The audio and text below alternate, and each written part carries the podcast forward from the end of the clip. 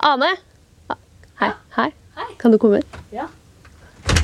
Du må sette deg ned. Jeg skal bare spørre deg om litt ting. Kan du okay. bare ta mikken litt sånn? Sånn, bra. Sånn. Du, har jo, du er en av altså VG-huset er fullt av folk som har kjøpt bolig. Veldig irriterende. Du er, kjøpte bolig nå, sant? Ja, det gjorde jeg. I går, faktisk. I går. Ja, jeg er litt stressa ennå. Hva skjer nå? Det vet jeg ikke. Nei. Det, det Jeg vet egentlig ikke. Rett og slett. Men jeg håper at det blir en kontrakt eh, veldig raskt, Ja. som vi skal signere på. Boligforsikringa, har du tenkt på det? Eh, vi kryssa vel av for noen greier da vi la inn budet, men eh, det, er, ja, det er noen ting jeg må tenke på, ja. Ja. Bra for deg, da! At det kommer folk fra forsikring og bank hit i dag. Gjør det det? Å, så fint. Så skal de snakke om alt det du ikke vet, da, tydeligvis. Ja, det, da kan de prate lenge. Jeg syns det er litt deilig at uh, VG-huset er flust med folk som kjøper bolig, og ikke vet en dritt. Det liker jeg.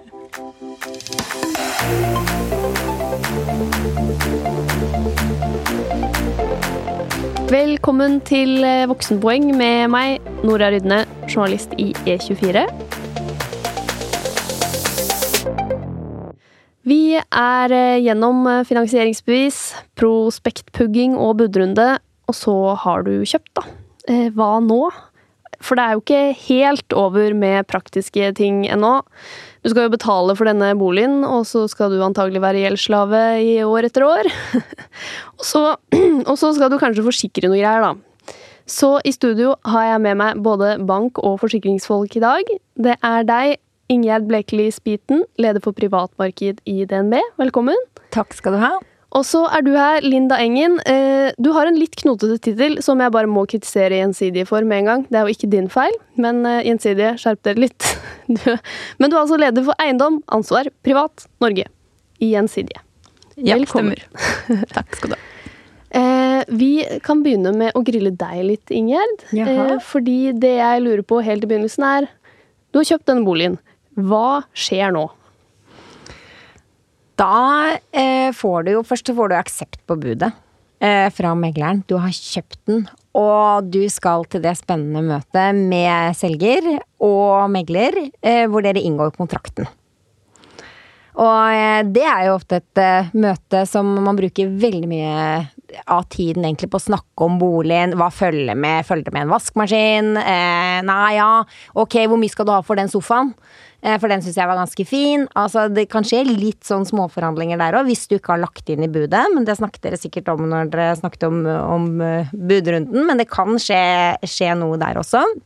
Og så eh, avtaler dere hvilken dag eksakt er det det skal eh, boligen skal overtas. Ja, Og da får du nøkkelen i hånda.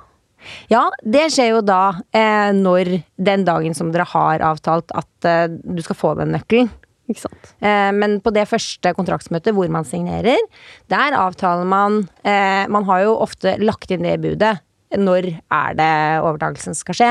Men like fullt så kan det også være en forhandling som du sitter med der. Ok, jo da, men du kan godt overta en uke før. Eh, enn en det vi faktisk sa. Så der avtaler man eksakt hva som skal skje, når det skal skje. Ja, Så der er megler, og så er det kjøper og selger. Ja. Ikke sant. Men så eh, skal du betale en del, da. Hva, hvordan, hvordan gjør du det? For jeg ser for meg liksom, Kan det være sånn at jeg bare kan få tre millioner kroner inn på kontoen? Ja. Hvis jeg Ja, hvis du har fått et finansieringsbevis. Eh, og du har Det du gjør når du har signert den kontrakten, er at du sender den kontrakten til banken. Eh, og til den rådgiveren som har din sak i banken. Eh, og så eh, Og der avtaler dere også hvilken konto eh, er det disse pengene skal trekkes fra. Ja. Så banken utbetaler da det lånet. Eh, du ønsker ofte ikke lånet eh, før du faktisk skal betale for boligen. For du må jo betale renter av det lånet. Ja. Eh, så derfor så eh, må pengene må være på din konto fire dager før den formelle overtagelsen. Ok. På min konto, eller på, den jeg skal kjøpe, da? Så hvis du skal overta en bolig 1.9., så må pengene være inne på din konto 27. august. For det er jo 31 dager i eh, I en bankmåned? ja, Nei, i august. Ja, sånn, ja. Okay, ja, ikke sant? Men hvis det er 30 dager, så må det være 26. Nettopp. Men fire dager før må de pengene stå på stå på kontoen din. Ok, Og da er det mitt ansvar å sette de pengene over på, på, på hvem sin konto? Rett Nei, på selgers altså konto? banken betaler ut til den kontoen som dere har blitt enige om at megleren Eller så, som eh, kunden har gitt til megleren. Ja. Sånn. Kunden forteller ok, du skal trekke pengene, de skal trekkes fra denne kontoen. Mm. Og den, det har du satt inn i kjøpekontrakten. Okay. Nei, ja, ja, i den kontrakten som du signerte. Ja. Og så, eh, når da pengen Så betaler da pengen, banken eh, ut eh, de pengene på den kontoen Mm. som du har oppgitt, og der må du også sette egenkapitalen din. Ja, ok. Ikke sant? For det kan godt være at du hadde den egenkapitalen på en sparekonto. Du tok litt ja, fra. BSU, du tok eh, litt fra Kanskje du fikk litt hjelp av foreldrene dine. Mm. Eller eh, du fant noe på en annen sparekonto. Altså, eller du måtte Så hadde du investert i noen aksjer, så måtte du selge det. Så det må du samle på den kontoen som du har oppgitt at skal være trekkontoen din. Ok, Og det må også være eh, fire dager før? Ja. Alt må stå der, da? Alt må stå der fire dager før. Og da går megleren inn, og, og, og da, da blir pengene overført til megleren. Sånn at megleren skal ha tid til å snu de pengene rundt og betale de pengene ut til kjøperen før du faktisk får den nøkkelen. Ok, Så det er litt deilig å vite at man ikke skal inn i nettbanken og betale sånn Betal til én! Eh, fem millioner, ja! Vær så god. Og det er litt okay. godt, så de pengene står på din konto. Veldig greit å vite. Jeg ble litt nysgjerrig nå på hva skjer hvis det ikke er penger på konto fire dager før. Å ja, ja. ja, Ja, det. det, da kommer det til å være noen som eh, ringer og purrer deg. Men da, eh, og da, da oppfyller ikke du din plikt i forhold til å faktisk kjøpe den boligen. Så det må du sørge for. Men det noen har eh, Det, som kommer Som man ofte opplyser om, det er jo at det må stå Det må ikke være en krone for lite. I forhold til det dere avtalte, for da går ikke trekket. Ja, for hvis det er på din brukskonto, så da, og da, da går du ikke ut og kjøper eh, dritdyr mat først, eksempel, hvis du er litt usikker. Du gjør ikke det. Eh, altså, du ikke kjøp is eh, akkurat den dagen hvis du har akkurat det beløpet du skal, for du må ha det beløpet. Og så jeg vil, jeg vil anbefale ha litt grann mer, da. Ja. Ja, for nå så skal du begynne å betale. Mm. Hva, hva skjer da? Får du en sånn autotrekk, eller mm, er det da Ja. en Ja. Det gjør det. Så da har du også avtalt med banken. Når er det eh, De fleste av oss de vil gjerne ha lånetrekket den dagen som de får lønn. At da står det ofte mest eh, på kontoen din, så da avtaler du det som en trekkdato. Og da har banken gitt deg en oversikt. Eh, ofte så har du satt 20 års løptid, eh, kanskje 25 års løptid på lånet ditt. At det skal vare, at du skal nedbetale i løpet av 20 eller 25 år. Eh, og så står det hvor mye du da skal betale hver måned, og hvilken eh, dato i måneden som du trekkes. ja. Og så står det hvor mye som er renter, og hvor mye som er avdrag. Ja, det er jo greit å vite. Ja. Nettopp. Og så lurte jeg da på Fordi hvis du får Altså når du har finansieringsbeviset ditt, er det sånn at du da får eh, hele det lånet, eller kan liksom avbetalingen da endre seg fordi du har fått en bolig for litt mindre enn lånet ditt? Det var et kronglete spørsmål, men Eh, nei, egentlig ikke. Fordi at eh, du sender eh, banken eh, den kjøpekontrakten, eh, og så la oss si du hadde Du fikk kjøpte en, en leilighet til eh, tre millioner, da. Og så hadde du et eh, finansieringsbevis eh, pluss egenkapital. Eller du hadde et finansieringsbevis på 3,5 million.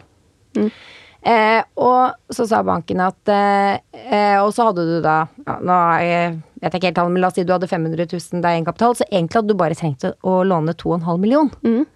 Eh, men så har banken sagt at du kan låne tre.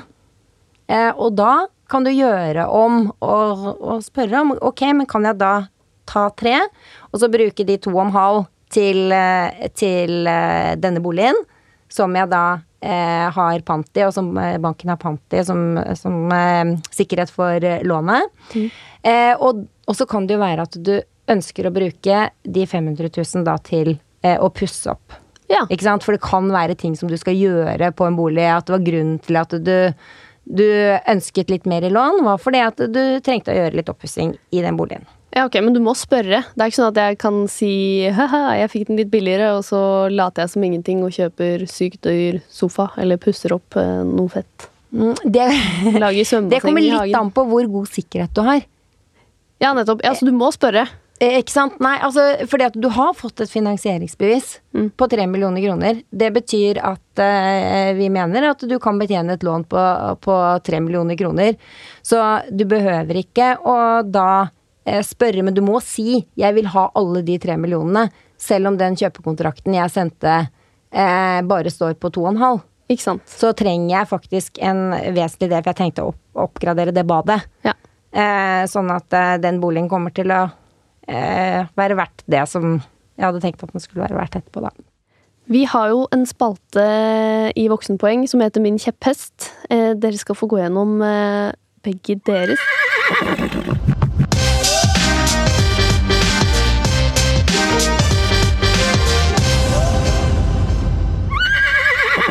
Ja, min kjepphest er at eh, tenk på at eh, du eh, kanskje trenger å gjøre noe oppussing, eller har lyst på noen nye møbler i eh, den leiligheten som du kjøper. Det er mye fint som gis bort på Finn, men du skal være veldig heldig hvis du får, eh, får alt gratis. Ja, og det, det har jeg prøvd eh, i min leilighet. Nå er jo ikke jeg riktignok, men eh, eh, det tar veldig lang tid hvis du skal gjøre mange kupp på Finn. Det tror jeg. Og det er mange som er ute etter de samme kuppene som deg. Nettopp. Så eh, ja. Så ha, ha en liten buffer. Det er jo ofte det vi banker sier. Ha en liten buffer, men Ja, det er gjelder også glad i det. Ja, men det gjelder også når du da kjøper, så kanskje ikke kjøp for absolutt alle pengene du har. Det kan være at du har lyst til å gjøre eh, noen ting med det, det du akkurat har kjøpt. Mm.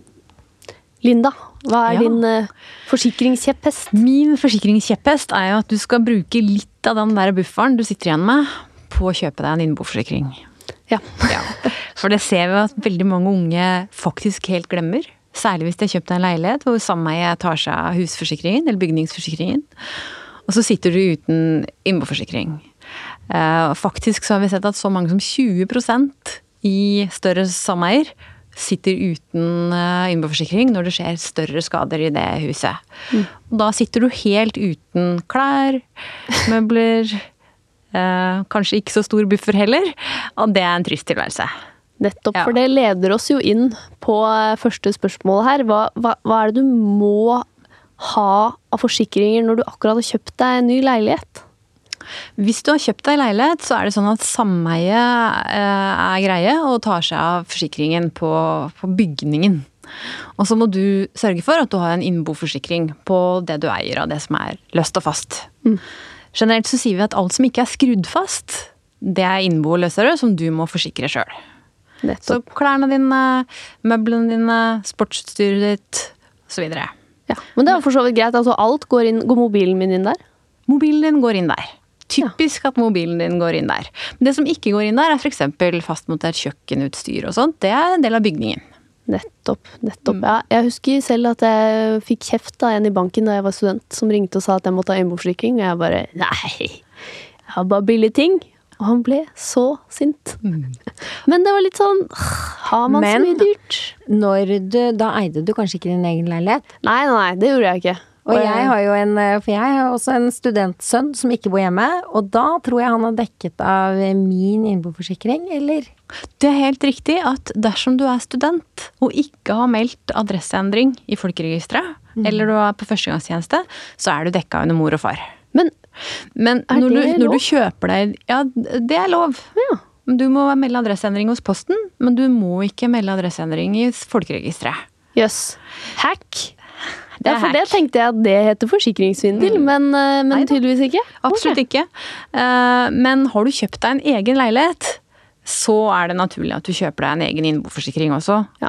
Og har du kjøpt hus, så må du selvfølgelig også ha husforsikring. Ja, og da registrerer du det i folkeregisteret òg, for det, det er jo Altså, har du kjøpt din første leilighet, så vil du gjerne Ja, det er det rart å bo hos mor og far fremdeles når du har en egen Men det er typisk å si sånn som det du sier, at jeg har så lite, så jeg trenger ikke innboforsikring.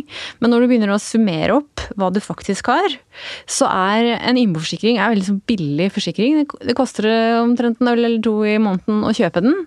Og den dekker mobilen din, den dekker PC-en din. eh, Den dekker også sånne ting som man kanskje ikke så ofte tenker på. At om du skulle sykle på noen og skade noen, eller et par studenter har vært uheldige med. At du kommer hjem fra fest, og så sovner du, og så setter du enten fyr på noe, eller du eh, sovner i dusjen og lager en vannskade. Så får du nemlig et erstatningskrav mot deg, og det erstatningskravet kan komme på mange millioner kroner. Oi. Og det er dekka via en innboforsikring. Ja, men ikke verst. Men når kjøper du Når må du fikse de forsikringene, egentlig? For at det skal liksom dekke Det som er lurt, egentlig, er å kjøpe den forsikringen så fort du vet at du skal begynne å ta over og begynne å flytte. Fordi det som også er smart med innboforsikringen, er at den dekker også ting som er midlertidig borte fra hjemmet ditt.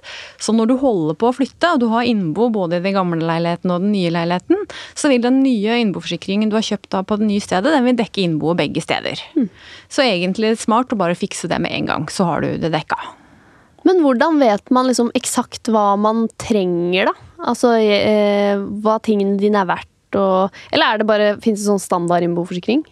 Som alle får? Noen innboforsikringer, særlig de kollektive som du får når du er medlem av YS, eh, NITO eller en arbeidsorganisasjon, så har de enten ubegrensa summer eller veldig høye summer. Ja, ok, Så det er et bra tips. Prøv å høre med fagforeningen din.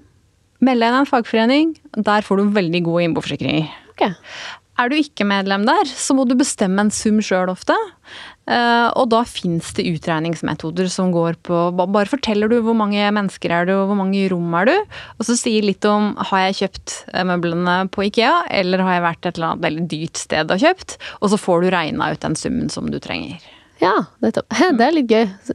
Spør, du, spør de deg faktisk hvor du har kjøpt klærne dine? Nei, de, de spør ikke direkte, men de sier det er noen spørsmål som går på hva slags standard eh, er det på det du normalt kjøper. da. Ja, okay. Er det ganske rimelig, eller har du kjøpt dyre ting? Nettopp. Mm. Ok. Og så var det Men hvis du bor i et borettslag, da er det da alt du trenger? Innbo? Da er altså innbo alt du trenger, hvis du ser bort ifra Sing som personforsikring og reiseforsikring og sånne ting. Men sånn bygningsmessig så er det du trenger, er innboforsikring. Ja. Og i et hus, da er det Hvordan beregnes Hus og innbo. Da kjøper du en husforsikring med en sum på løsøre samtidig. Nettopp. Eh, Hvordan det beregnes, eh, hva tenker du på da? Ja, nå tenker jeg hvis, jeg hvis jeg kjøper et hus, da, eller selveier Det er jo noen leiligheter som er selveier òg. Det- hvordan beregner man eh, hva man betaler for den forsikringen? Når du kjøper en leilighet, så er det, selv om det er selveier, så er det alltid en fellesforsikring på hele bygget. Ja. For å være sikker på at hele bygget er forsikra, for det er veldig uheldig at bare deler av bygget er forsikret. ja. Eh, Men hvis du kjøper en enebolig eller et rekkehus, så må du da kjøpe forsikring sjøl. Og, da, og da er det Hva er det som blir forsikra da? Da er det liksom også selve huset, på en måte, hvis det brenner ned? Vet du hva, Da forsikrer du egentlig hele hageanlegget ditt. Du forsikrer huset, du forsikrer røropplegg. eh, Alt som er fastmontert på det huset, det er med. Mm. Det må snakke om eh, livsforsikring også. Ja, jeg har det. Vi skal innom det også. Men først så må jeg bare høre med, med dere hvordan man får den beste prisen. Er det liksom store forskjeller mellom selskapene? Er det noe du burde sjekke som er forskjeller? Det er helt klart forskjeller i prisen, men det er også forskjell på innhold. Så sånn sett så er, kan det være litt komplisert øh, å, å finne fram i den jungelen. Uh, det finnes steder hvor du kan øh, legge inn at du er interessert i en forsikring, og så blir du kontakta for tilbud. Så kan du sammenligne både pris og innhold. Å, men da skal, du, da skal du orke litt, da. Men det er kanskje smart. Eh, Som regel så er de ganske enkelt å legge inn. altså Du bare legger inn adressen og størrelse og sånt på huset. Mm. og så får du tilsendt da sant, vilkår og, og pris. Men du skal orke litt hvis du skal sammenligne vilkårene. Det er jeg enig i. Ja, men Så da skal du kanskje ha noe veldig sånn spesifikt du ser etter, som det er viktig for deg hvis du jeg vet ikke, jeg har en rasekatt som du er redd for, eller noe, da. Jeg vet ikke. Noe sånn liksom spesielt som ikke alle dekker, men noen dekker. Altså, jeg ville anbefalt å gått for, Hvis du får det, så ville jeg gått for toppdekningen som de har. De fleste selskapene i Norge har to nivåer på husforsikring. Mm. Får du toppdekningen, så ville jeg tatt den. Okay. For ellers så risikerer du at det skjer skader som kan koste deg flere hundre tusen som du må ta selv. Eh, Hva, men hva kan gjøre at jeg ikke får toppdekning? Hvis huset ditt er i veldig dårlig tilstand, veldig dårlig vedlikeholdt, Ja. så kan det hende at du ikke får den ja, da tar dere ikke den sjansen. Ok, så det er eh, Men er det Du får jo en pris ut fra, da, som du sier, hvor stor risikoen er for at dere må punge ut eh, for at noe går til helvete. Eh, så er det noe jeg kan gjøre etterpå, hvis jeg får en pris, da. Er det noe jeg kan gjøre etterpå for å få den ned? Som jeg kan ringe dere og si eh, nå syns jeg at jeg fortjener litt lavere pris? Altså det jeg ville anbefale aller mest, er jo å se på det med skadeforebyggende tiltak. Der kan du gjøre ganske mye. Det varierer litt mellom selskapene, men noen steder kan du kanskje halvere prisen din med å gjøre tiltak for å redusere risikoen for skade. Så er det dessverre sånn at unge kunder som har kjøpt seg litt eldre hus, har større risiko for skade enn mange andre. Fordi at kanskje er huset brukt av en eldre dame før. Så kommer det noen unge inn som da dusjer ti ganger så lenge som den eh, gamle damen. Og bruken av huset blir helt annet, og så dukker det opp skader. Ja. Eller du er ikke så vant med å håndtere et hus at du, du gjør så små tabber som gjør at, at det blir skader, da. Ok, Som den pizzatabben? Eh, Pizzatabben. Eh, selv gjort en sånn tabbe når det var veldig kaldt på vinteren. Så hadde jeg satt opp en liten sånn lufteluke rett over et rør. Og plutselig en morgen så var det jo ikke vann. Ja, det blir kaldt der. ikke sant? Da lærte jeg av det. Heldigvis så ble ikke det noe skade. Men det er sånne ting som du lærer etter så hvert som du har bodd en stund. Ja, så kan jeg da, når jeg har bodd en stund, gjort noen feil, lært av dem, ringe forsikringsselskapet og si nå er jeg en langt mer ansvarlig huseier. Ja. Det går faktisk Ja. Fordi at eh, da har du vist at du, ikke, at du har hatt mange år uten skade. Og det samme gjelder jo på bil også. Hvis du får Hvis du har kjørt mange år uten å, å krasje bilen, eh, så kan du få rimeligere forsikring. Det har, et, det har et begrep, ikke sant, det der. Er det premie? Premie. Ja. Premie. Og det, ja. Det er premie. Det, for jeg, jeg lover deg, den premien, når du er forelder til noen under 26 år, er det vel? Er det ikke det? Eller 25 år? På Så- bil, tenker du? På bil, så må du betale mye mer hvis du har førere under det. Fordi at de har ikke rukket å ha så lang kjøre uten skade, og vi vet at eh, de unge, eller de som er litt mer uerfarne sjåfører, da, de, eh, det skjer ofte mer skade på de, så da blir, er forsikringen mye høyere enn om bare det er vi gamliser som skal kjøre Ja, ja, ja, folk. Ja. Men du kan samle forsikringene. Ok. Eh, det vil si at hvis du har flere forsikringer, så er det helt klart lurt å ha dem samme sted. Da får du samlerabatter. Ja, ok, så jeg kan Men er Ja. Men da, der er det også fagforeninger. Er du først medlem av en fagforening, så har de også ofte gode rabatter på andre forsikringer enn den innboforsikringen også, som du kan spare på. Og det at med du får inn de sikkerhetsrabattene, så minimerer du jo risikoen for å få den kjedelige skaden. Regressrabatter. Nå er jeg Nå ber Ja. jeg om voksenpoeng, jeg nå her nå. Ja, nå er jeg voksen, nå er jeg barne... Nå, er jeg, nå, er jeg, nå er jeg, trenger jeg voksen, voksenpoeng, jeg òg, merket det. Regressrabatt. ja. Nei, ikke regressrabatt. Å, jeg synes det var det du sa. Sikkerhetsrabatt. Ah, sikkerhetsrabatt. Jeg syns du sa regressrabatt. Nei, men det kan være en brannalarm. det kan være en vannstoppventil. Det kan være ting som gjør at da, om du er uheldig, så, så stopper den automatisk, og så slipper du at det blir noe problem. Men eh, hvis jeg lurer da på hvordan jeg får ned prisen, eh, er det sånn at jeg kan ringe, og så kan noen fortelle meg hva jeg skal gjøre? Ja, Og så kan jeg ringe tilbake og si nå har jeg gjort dette. det er helt riktig. Hva er typiske ting du kan gjøre da? Typisk å gjøre. Ja, Sånt som kan få ned prisen. Røykvarslere. Ja.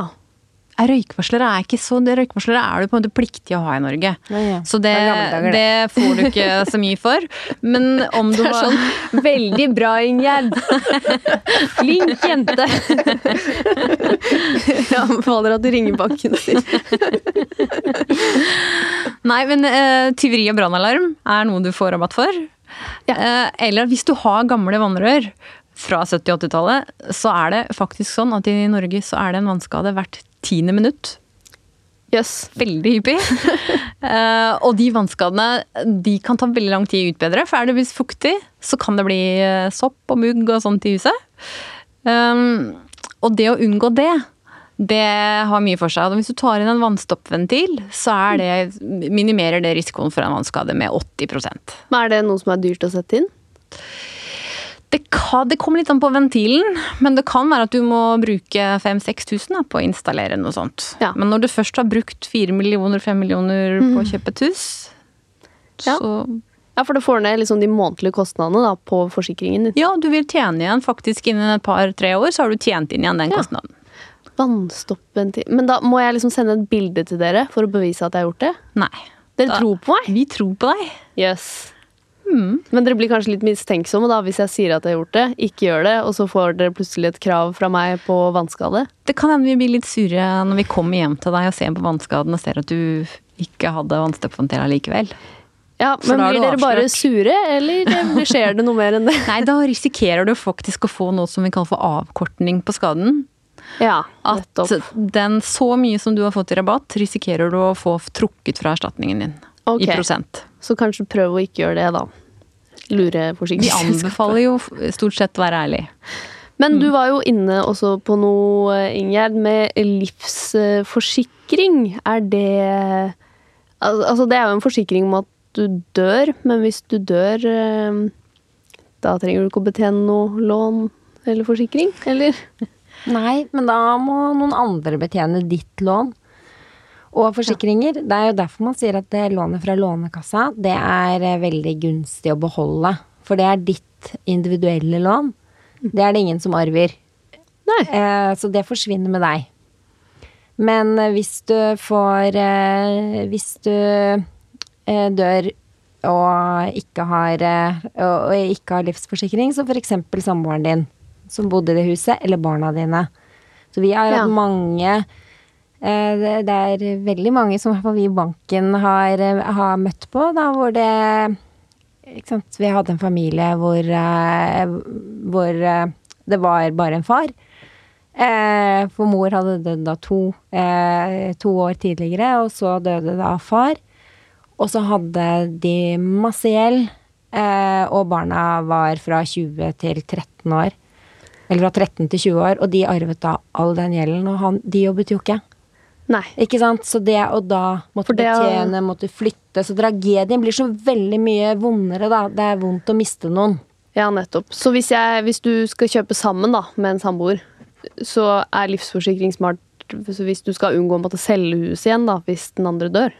Eller? Veldig smart. Og ikke bare Ja. Men gjelder det hvis man er samboer? Er ikke det en sånn typisk sånn da må du være gift? Eller? Nei, og der, der anbefaler vi egentlig at man, man, forsikrer, eh, man forsikrer hverandre, egentlig. Sånn at eh, eh, hvis jeg dør, så får samboeren penger, hvis han dør, så får jeg penger. Sånn at man kan da klare å nedbetale deler av lånet og fortsette å betjene det, det jeg klarer på min lønn. En lystig samtale Den å ta når man har kjøpt bolig. Ja. Men, men er det forskjell på pris på livsforsikring? Fordi hva hvis Ja. eh, For den betaler du selv. Hvis jeg har livsforsikring på meg, så betaler jeg den selv. Ja. Men jo yngre du er, jo billigere er jo en livsforsikring. Ja. Så det er ikke en dyr forsikring egentlig når du er ung. Det er en verre situasjon for uh, oss to som sitter her. Uh, da er det blitt Synger på siste verset si. Ja. Den er blitt dyrere. Og så Ja. er, er det også sånne ting som gjør det dyrere, er jo er jo noe av det samme som når du betaler eh, Mange av oss har jo barneforsikring på barna våre. Ja. Og da er det jo hvis de har allergi, eller hvis de har ditt, og hvis de har datt. Så det er ikke en sånn lystig samtale. Nei. Og det kan være at du må betale mer enn samboeren din eh, hvis du har noen skavanker. eh, men sånn er det.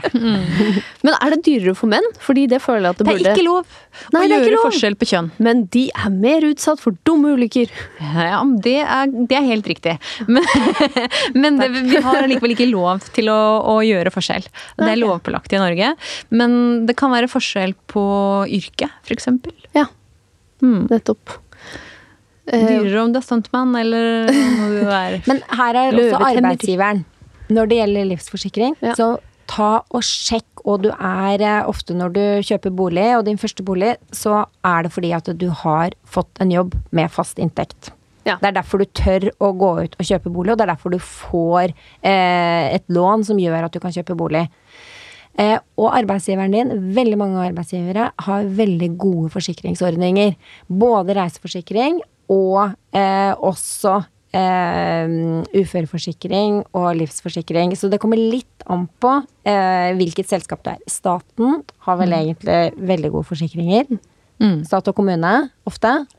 Ja, det stemmer. De har veldig gode også uføreforsikringer. Ja, så de har uh, gode forsikringer. Så da er spørsmålet Da må du på en måte prøve å sette deg inn i, ellers så får du hjelp av de du snakker forsikring med. Jeg vil anbefale å få hjelp, Ja. for her, dette er litt Ja. komplekst, eh, og som du sier også ikke sånn kjempelystig emne, men her er det mye god hjelp å få. Ja. Som kan hjelpe deg med å finne ut av hva har du slags dekninger i dag, og er det behov for noe ekstra på toppen av det. Ja. Så her kommer jo min kjepphest inn. Ringe. Folk liker ikke å ringe, men uh, jeg er kan, sykt eh, fan av å ringe. Du kan chatte, og du kan få videomøter. Ja, ok. Ja, vi, ja. ja, ok, du kan chatte. Hm. Jeg er bare så fan av telefon. Det går så mye fortere. Skjønner Jeg, ikke hvorfor folk har er problemer. Ring. Så, ja. Mm. Du vet, kom over, det er voksenpoeng, kom over telefonskrekken. Mm. Er det noe mer da? Eh, Det var noen som nevnte, da vi snakket sammen i går, Ingjerd, så nevnte du boligkjøperforsikring. Det tror jeg du også nevnte, Linda. Hva, hva er det? Og bør du ha det, eller er det bare tull? Det er et utrolig vanskelig spørsmål. Fordi at eh, boligkjøperforsikring er jo Nå tilbyr ikke de vanlige forsikringsselskapene de tilbyr ikke boligkjøper- og boligselgerforsikring, sånn som det er i markedet i dag. Så det er en sånn nisjeforsikring. Eh, og det er jo sånn at hvis det er mer enn 4% feil på det du har kjøpt, så har du kanskje krav på noe erstatning. Men den, det er ganske få som får noe ut av den. Men hvis du først virkelig har kjøpt katta i sekken, så er det jo selvfølgelig nyttig å ha den. Ja, Så hvis du ikke har lest prospektet, så kan du gønne på med den. Vi anbefaler jo å lese prospektet, da. Det er punkt én. Men eh, jeg tror dette, dette er et område som er såpass vanskelig i dag at her sitter jo man og prøver å lage ny lovgivning for hvordan dette skal reguleres. Men det tilbys i dag, og Mm. det er ofte megleren din som eh, videreformidler den. Ja, ok. Eh, og eh, jeg sjekket nå før jeg kom hit eh, med DNB Eiendom, som videreformidler, og den, eh, den boligkjøperforsikringen som vi, som vi formidler. Og der er det Det du får, er juridisk bistand dersom det oppstår en forsikringssak i forbindelse med kjøpet. Ja. Og så koster det 4600 kroner og varer i fem år.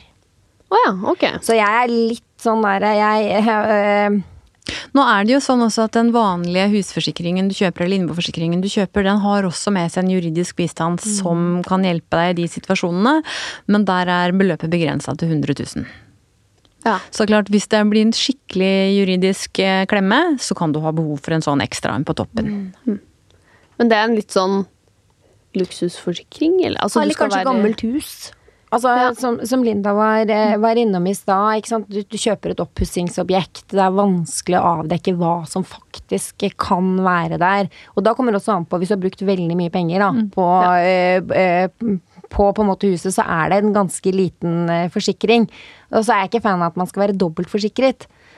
Men jeg er, det kommer jo litt an på hvor risiko verst du er, da. Jeg tenker at noen ganger så er det, er det greit å ta et ekstra et. Mens hvis du har nytt hus, så er det altså husforsikring, innboforsikring, da vet ikke jeg om man trenger det det. er dessverre sånn at det er mye feil på nye hus også, så jeg tenker at hvis du først er usikker, så Ja. ja. Så kanskje vurdere det. Så kanskje vurdere det. Ja. ja, det er Linda som er forsikringseksperten.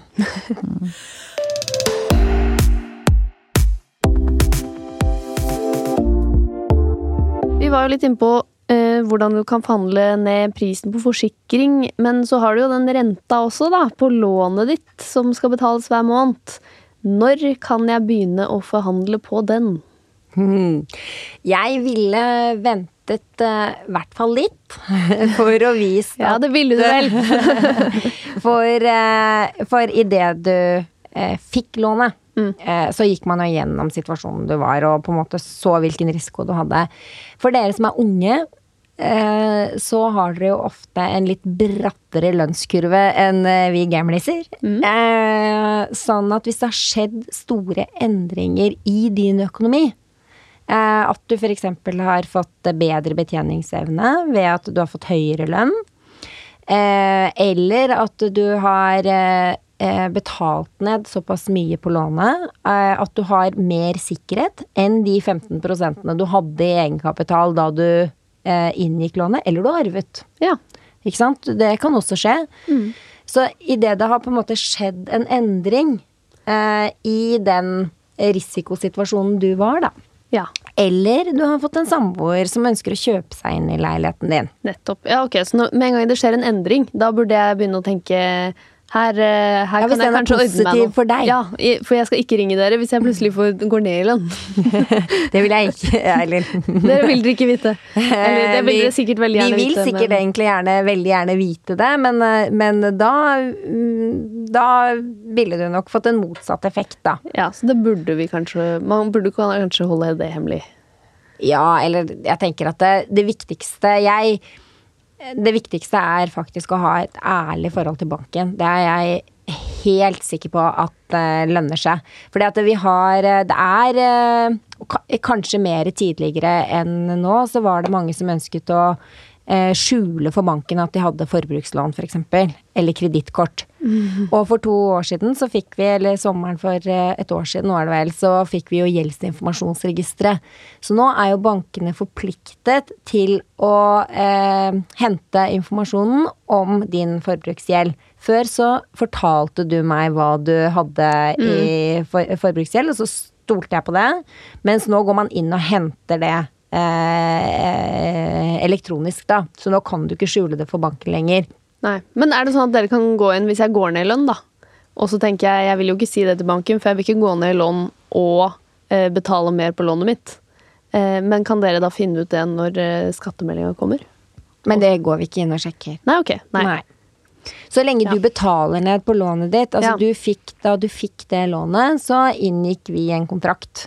Ja. Eh, Da fikk du den, eh, den renten. Mm. Eh, og med mindre, hvis du har fastrente, så er den jo helt fast. Mm. Da gjør man jo eh, ingenting. Eller så har du inngått en, en kontrakt på flytende rente. Eh, og da vil den jo endre seg eh, ettersom eh, prisen på penger for bankene øker. Ja, for når styringsrenta går opp eller ned, det er også en sånn endring der jeg kan ringe banken og forhandle litt. Ja, og da ville jeg jo vente til du hadde sett hva, du, hva som ble din nye rente. Ja. Fordi at eh, vi har jo når vi, vi har jo på en måte satt Vi har, ikke, vi har eh, individuelle priser, men allikevel så har vi jo beregningsmodeller som viser hvor stor risiko det er på deg. Så du, du kan jo være en som ringer, eh, ringer hver gang det skjer et eller annet. Nå har det jo skjedd enormt mye med renta hele tiden. Ja. Eh, men, men eh, Og det pleier det jo ikke å gjøre. Nei. Altså de siste, de siste Siden 20, september 2018 så har det skjedd noe med renta åtte ganger. Eh, så det blir mange telefoner. Så jeg anbefaler som sagt heller å ha et godt forhold til banken din. Eh, og, som, og på en måte være trygg på at du har gode betingelser. Ja. Men hvis jeg ikke er så opptatt av å ha et godt forhold til banken min, bare vil ha mm, lavest mulig rente, eh, funker det å true dere med å bytte bank? Det kan det gjøre. Eh, og så kommer jeg an på hvordan man, man truer. Eh, fordi at eh, hvis du er en som hopper fra blomst til blomst, hvis jeg kan si det sånn, fra bank til bank, eh, så kan det være at det ikke du At du på en måte Vi ser at du uansett vil hoppe videre Ja. eh, hver gang. Altså hvis vi ser at eh, hvis man på en måte samler alt hos én, igjen sånn som vi hadde på forsikring, med samlerabatter, du har på en måte Du har lønnskontoen din, du har forsikringene dine, altså du har valgt på en måte én, da kan du forvente Da skal du ha eh, gode betingelser.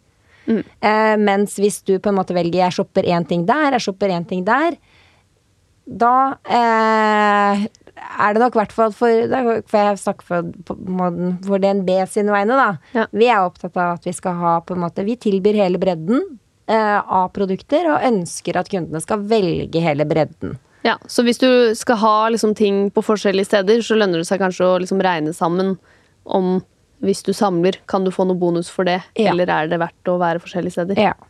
Ok. Det vil jeg klart sett på. Det er kort. Eh, det kan være forbrukslån, det kan være forsikringer. Altså det er så mange eh, finansielle produkter, da. Ja, nettopp.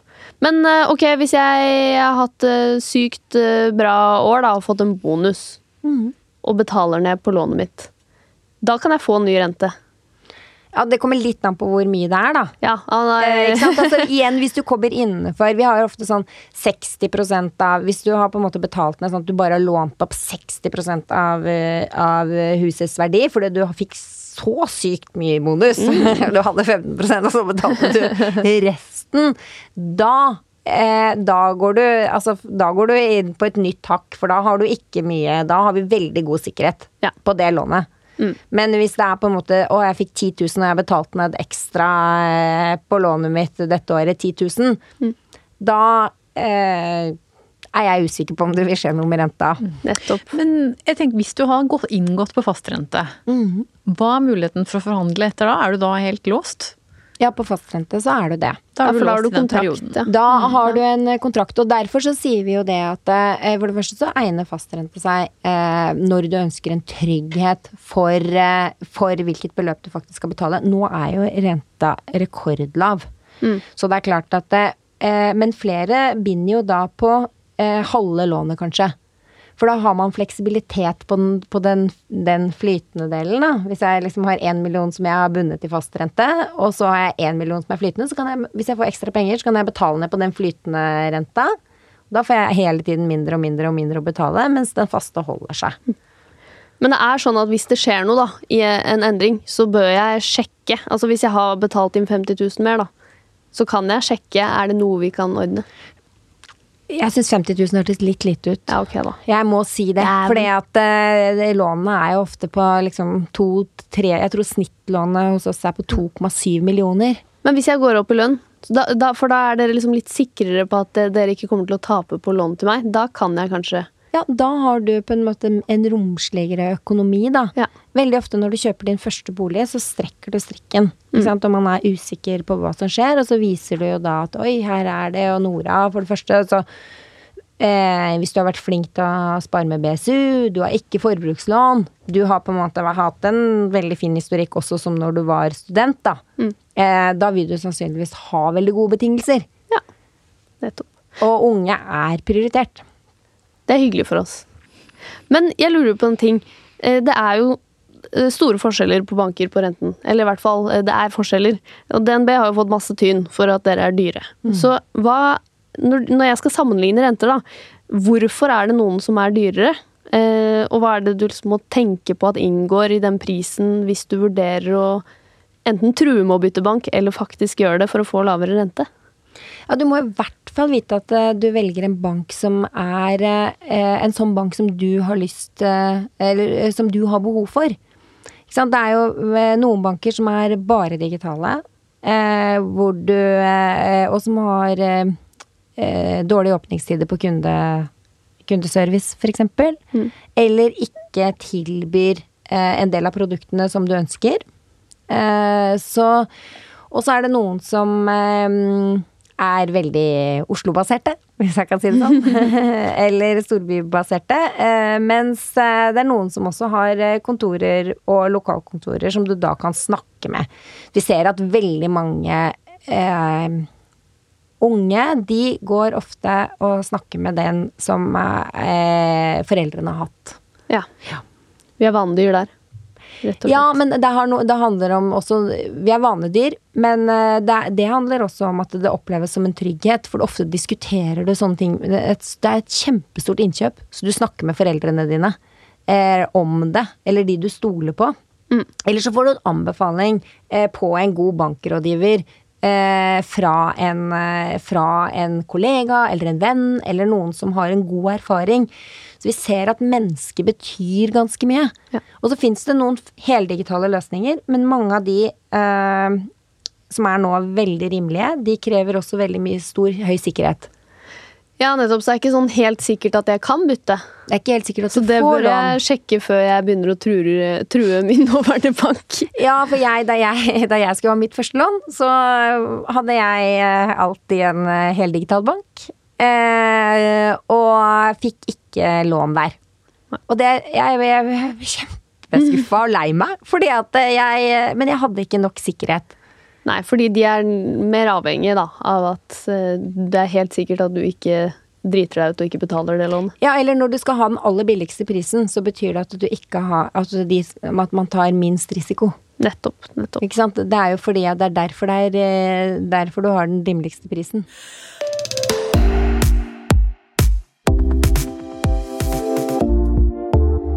Ok, Ok, vi har eh, vært igjennom mye info. Jeg, eh, ok, vi begynner å oppsummere med lånet.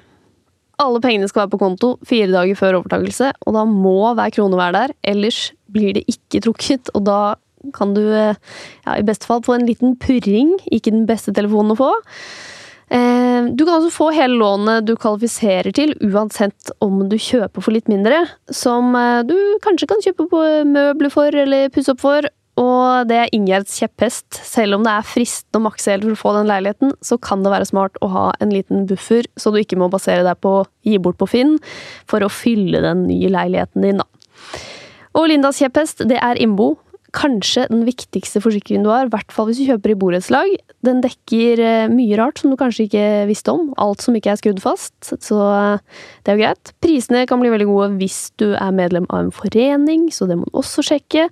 Og så kan du eh, ringe forsikringsselskapet og høre om det er noe du kan gjøre i boligen din for å få ned prisen. For det er jo gjerne sånn at du kan investere litt penger, og så tjene det inn igjen ved at du får litt mindre å betale hver måned. Det er jo greit. Så sjekk de der tiltakene. Og når det gjelder renta, når det skjer noe, sjekk om du kan få ned den. Får du høyere lønn, eller får betalt mye mer ned på lånet, så er du rett og slett en mindre risiko for banken, da, og da kanskje de kan fikse noe for deg. Det kan jo også da funke å true med å gå til en annen bank hvis de kan tilby deg en super rente, men eh, da må du huske å regne litt på at du også kan tjene inn en del på å ha alle bankgreiene dine i samme bank. Så det er eh, et lite regnestykke du må ta. Hva, hva føler dere? Er vi gjennom de viktigste punktene her? Ja. Ja, det tror jeg. Veldig bra. Tusen takk eh, for at dere kom, Linda og Ingjerd. Bare hyggelig. Takk skal du ha. Hvis du har eh, lyst til å se mer innhold fra Voksenpoeng, så er vi altså på Instagram under navnet Voksenpoeng med Nora. Der kan du jo gjøre alt mulig, fra å kommentere hva du syns om podden, til eh, ja, å sende inn hva du syns vi skal ta opp videre i podden. Så eh, følg oss der. Og produsent for dagens episode, det var Kristine Masdal Odne.